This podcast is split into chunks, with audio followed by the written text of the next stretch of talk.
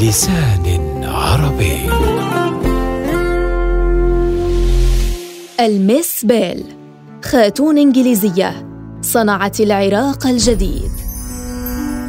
ودعت بريطانيا الباردة وارتحلت نحو الشرق يحملها الشغف بتلك الأرض الغامضة والجميلة الواسعة والمتنوعة بحضاراتها القديمة وناسها المجهولين. تركت عالمها الساحر وغامرت بحياتها لتحقق مصالح بريطانيا في أرض الشرق. أسرتها الآثار التي لا تزال مجهولة والسكان الذين يتوارون عن النظر ولا يدركون خطر المستعمرين الجدد. أحبت الصحراء ساعة وقسمتها وشتتت شمل سكانها حين أتيح لها ذلك. هي التي آثرت أن تترك حضورها في هذه الأرض. فكانت صانعة ملوك الشرق الجديد ومشكلة خريطته الحديثة والسائرة بأمر الاستعمار في تشتيت بلادنا.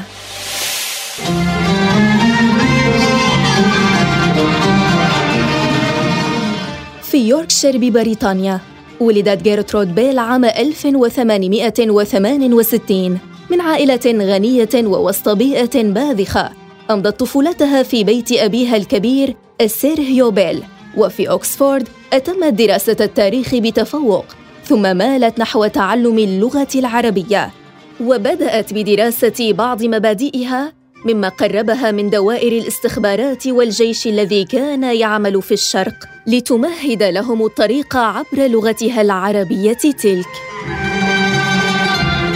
عام 1892 خطت جيرترود بيل أولى خطواتها نحو الشرق عندما زارت بلاد فارس حيث كان عمها يعمل سفيرا لبريطانيا فيها فأعجبت بها إعجابا كبيرا وفي رسائلها لوالدها شبهتها بجنة عدن أحبت الحياة هناك والاختلاط بالدبلوماسيين البريطانيين والتجول في بلاد فارس لاكتشافها والتعرف على سكانها. وفيها عاشت أول قصة حب لها مع دبلوماسي بريطاني. لم يعجب والدها ولم يوافق على خطبتهما. فتركت. مؤثرة حياة التنقل والترحال على تحدي والدها والزواج منه.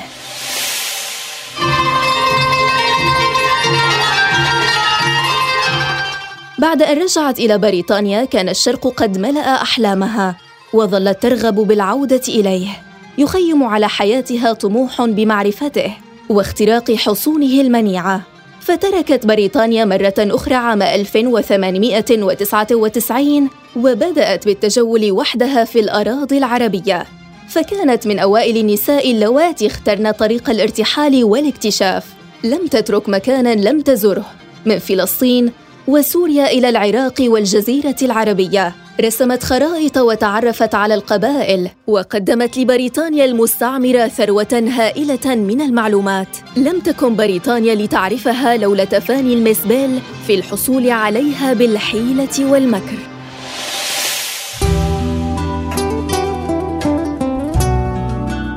في العراق كانت تنتقل بين المناطق كسائحة وباحثة عن الآثار يرافقها دليل يساعدها في التوغل داخل مناطق العشائر فعقدت علاقات مع شيوخ وأمراء القبائل ودونت ملاحظاتها عن الأماكن والآثار والرجال وكان كونها امرأة يعطيها ميزة إضافية فمن خلالها استطاعت دخول بيوت نساء القبائل والتعرف عليهن وهذا ما لم يكن متاحا لأي أحد قبلها. ومن خلاله أثرت دائرة الاستخبارات البريطانية حول المجاهيل التي لم يستطيعوا الوصول إليها.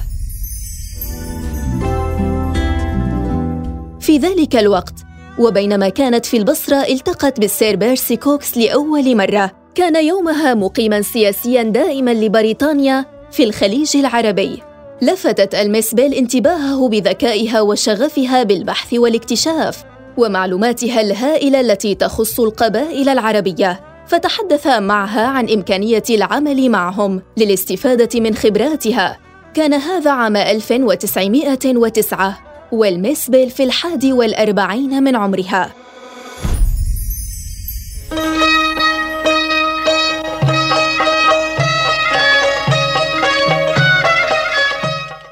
ترجع إلى بريطانيا إلا عام 1914 بعد أن تكونت لديها معرفة عميقة بالبلاد العربية وعشائرها وطبائع سكانها وفي جعبتها عشرات الخرائط المهمة حول تلك البلاد.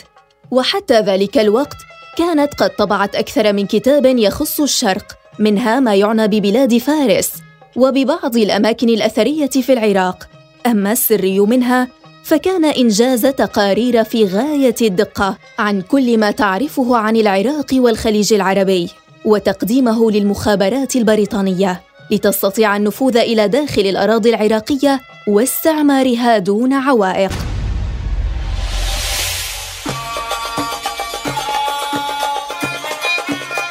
لم تمضي إلا أشهراً قليلة في بريطانيا ليفتح لها باب جديد يطل على الشرق. ففي طريقها إلى القاهرة خريف 1915 عاد إليها مرحها بعد أن فقدته بمقتل حبيبها الذي كان ضابطاً في الجيش البريطاني. وفي القاهرة التقت لورنس العرب وعملت معه على إصدار كتيب يضم التفاصيل المتعلقة بالجغرافيا والقبائل العربية مع التركيز على أعدادها وأماكن تمركزها مما أفاد المخابرات البريطانية كثيراً. فقد شكلت الميس بيل مع لورنس مصدرين كبيرين للمعلومات الخاصة بالعراق والخليج العربي.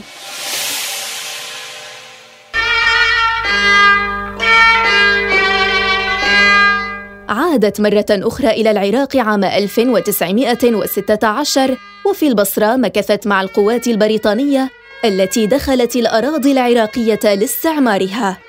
وهناك توطدت علاقتها ببيرسي كوكس الذي أعطاها وظيفة معاونة حاكم سياسي. وأوكلت إليها مهام تتعلق بتوطيد علاقاتها بالعشائر والتواصل مع العملاء السابقين وأخذ المعلومات منهم. فاجتهدت المسبل وتفانت لمساعدة قوات بلدها وفتح أبواب العراق لهم. كانت المسبل شخصية مؤثرة. استطاعت خلال مدة قليلة الحصول على سلطة كبيرة بين البريطانيين والعراقيين على حد سواء فذكاؤها واتساع خبرتها وغزارة معلوماتها مكنتها من أن تكون شخصية ينظر إليها بعين الاعتبار. فلا يمكن لأحد أن يحصل على شيء دون أن يتقرب منها اولا ويحصل على رضاها. أما سخطها فقد تعرض له كثيرون. كالشيخ طالب النقيب زعيم البصرة وصاحب النفوذ الكبير الذي كان يسعى للترشح لنيل عرش العراق.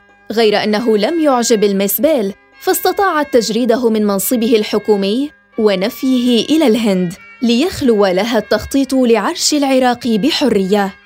كانت الميسبيل تعامل العراق كأنه ملك لها فكل من لا يناسبها تقضي عليه وكل من لا يخدم مصالح بريطانيا تخفيه عن الوجود.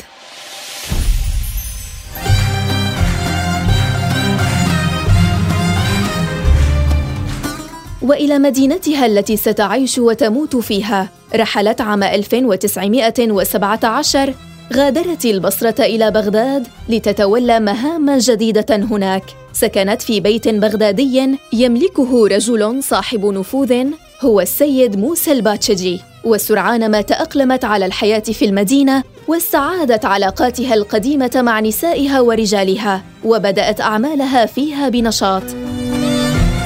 كان تجولها في المناطق الشعبية ببغداد بملابسها وهيئتها المختلفة لافتة لنظر البغداديين الذين أطلقوا عليها لقبا سيظل معها دائما وهو الخاتون.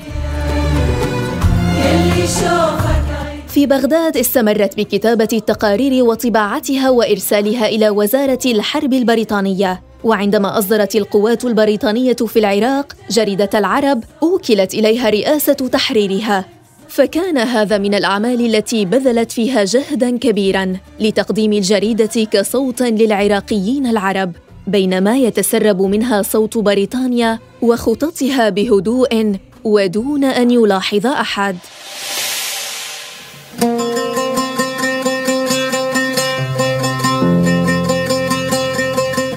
أحبت الميس بيل الحياة الحافلة في بغداد وعبرت عن مشاعرها في رسائلها الكثيرة لوالدها. ففي رسالتها المؤرخة يوم الثامن من حزيران عام 1917 كتبت إليه تقول: إن العيش هنا شيء مدهش لا يسعني أن أصف لكم مقدار حبي له.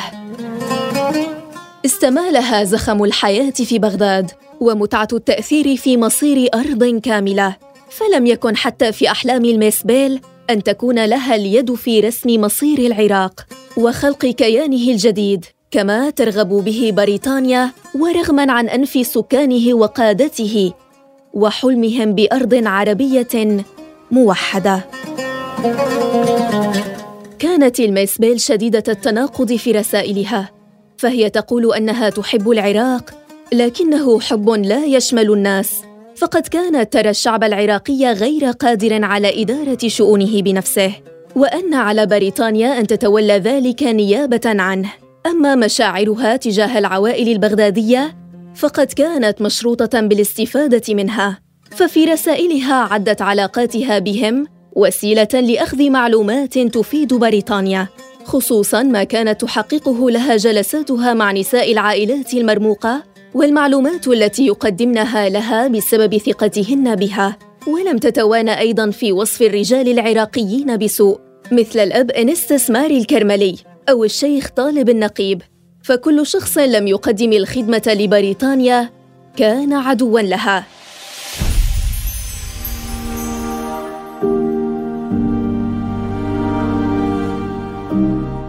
عملت المسبل بإخلاص وتفان في كل ما تسعى له بريطانيا وتطمح لتحقيقه في العراق واستغلت إمكانياتها وعلاقاتها لإنجاح ذلك. ففي عام 1919 كتبت مع رفيقها لورنس العرب والدكتور هوفارت صك الانتداب البريطاني على العراق وتحديد شكل البلاد الجديد الذي ستحوله بريطانيا إلى دولة مستقلة بعد سنوات قليلة. ورغم أن الحاكم الفعلي هو المندوب السامي بيرسي كوكس لكنه لم يكن يتخلى عن مشورة وحضور الميس بيل لما تتمتع به من قدرة هائلة على العمل والإنجاز ومن إمكانية في حل المشاكل والتعقيدات. ولم يأتي عام 1920 حتى تولت منصب السكرتير الشرقي للمعتمد السامي البريطاني في العراق.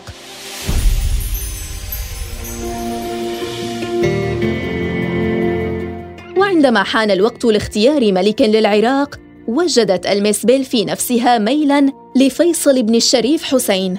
وكان وينستون تشرشل ممن يرغبون بأن ينصب فيصل ملكا على العراق لما لبريطانيا من علاقات جيدة معه ومع والده. وحين عقد مؤتمر القاهرة عام 1921 لتحديد مصير المستعمرات البريطانية وتنصيب فيصل ملكاً. كانت المسبل بين الوفد المشارك في المؤتمر وممن عملوا بجهد متواصل على إقناع مختلف الأطراف بأحقية فيصل وبقدراته المناسبة. وما إن تم تنصيبه حتى بدأت المسبل بتذليل كل الصعاب في طريقه فاستطاعت إزاحة كل منافسيه ورتبت كل الأمور منذ لحظة وصوله إلى العراق من خلال تنظيم زياراته للأماكن الدينية ولقاءاته مع وجهاء المدن وشيوخ العشائر وساعدته في قول ما يجب قوله للناس والوعود التي يحبذ أن يعدهم بها. واختارت حتى الملابس المناسبة له والأشخاص الذين يرافقوه. فكان الاستفتاء على فيصل فيما بعد مسألة تحصيل حاصل فقد استطاع أن يصير ملكا على العراق بعد جهد استثنائي بذلته المسبل ولم يكن ليتم له الأمر بهذه السهولة دونها.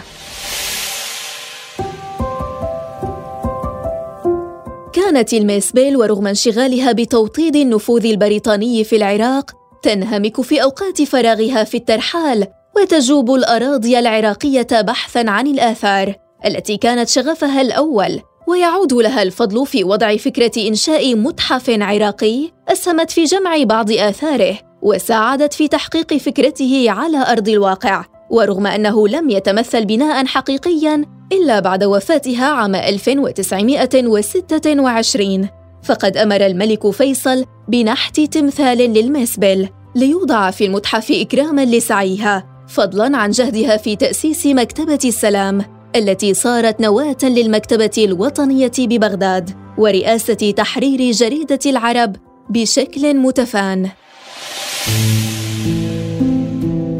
في فيما بعد وبعد نشاط هائل وجهود لا مثيل لها في ترسيخ الحضور البريطاني في العراق وخلال أعوام 1923 و 1924 بدأت الحالة الصحية للميسبيل تتردى ولا غرابة في الأمر بعدما بذلته من جهد وتعب خلال حياتها الماضية فأثر هذا على حالتها الصحية التي صارت تتراجع. فقد صارت بعيدة عن مركز اتخاذ القرارات وأوكلت لها مهام بسيطة تخص الآثار وترتيب أمور نساء البلاط الجديد. فكان مرضها وتراجع نشاطها سببا في تنحيتها عن المجال السياسي. هي التي كانت تعطي نفسها قيمة كبيرة في بداية مجيئها للعراق مثلما تعبر في إحدى رسائلها وتقول أعتقد بأني أصبحت شخصية كبيرة. نراها فيما بعد تكتب بخيبة. إنني لست شخصية ذات أهمية. تراجع دور الميسبل.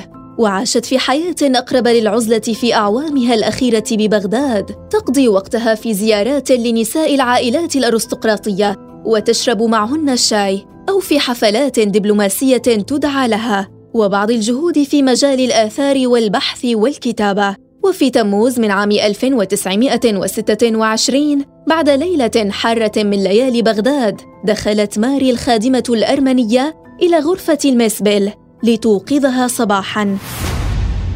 فوجدتها ساكنة الأنفاس لا ينبض فيها عرق. كانت المسبيل قد توفيت وهي نائمة. تركت بلادها منذ أوائل عشرينياتها وماتت في بغداد وهي في الثامنة والخمسين. أحبت العراق لكن بعيون بريطانية طامعة به واجتهدت في تعلم العربية والتعرف على الناس لكن لأجل أن تفترس بلادها أرض الشرق الغنية.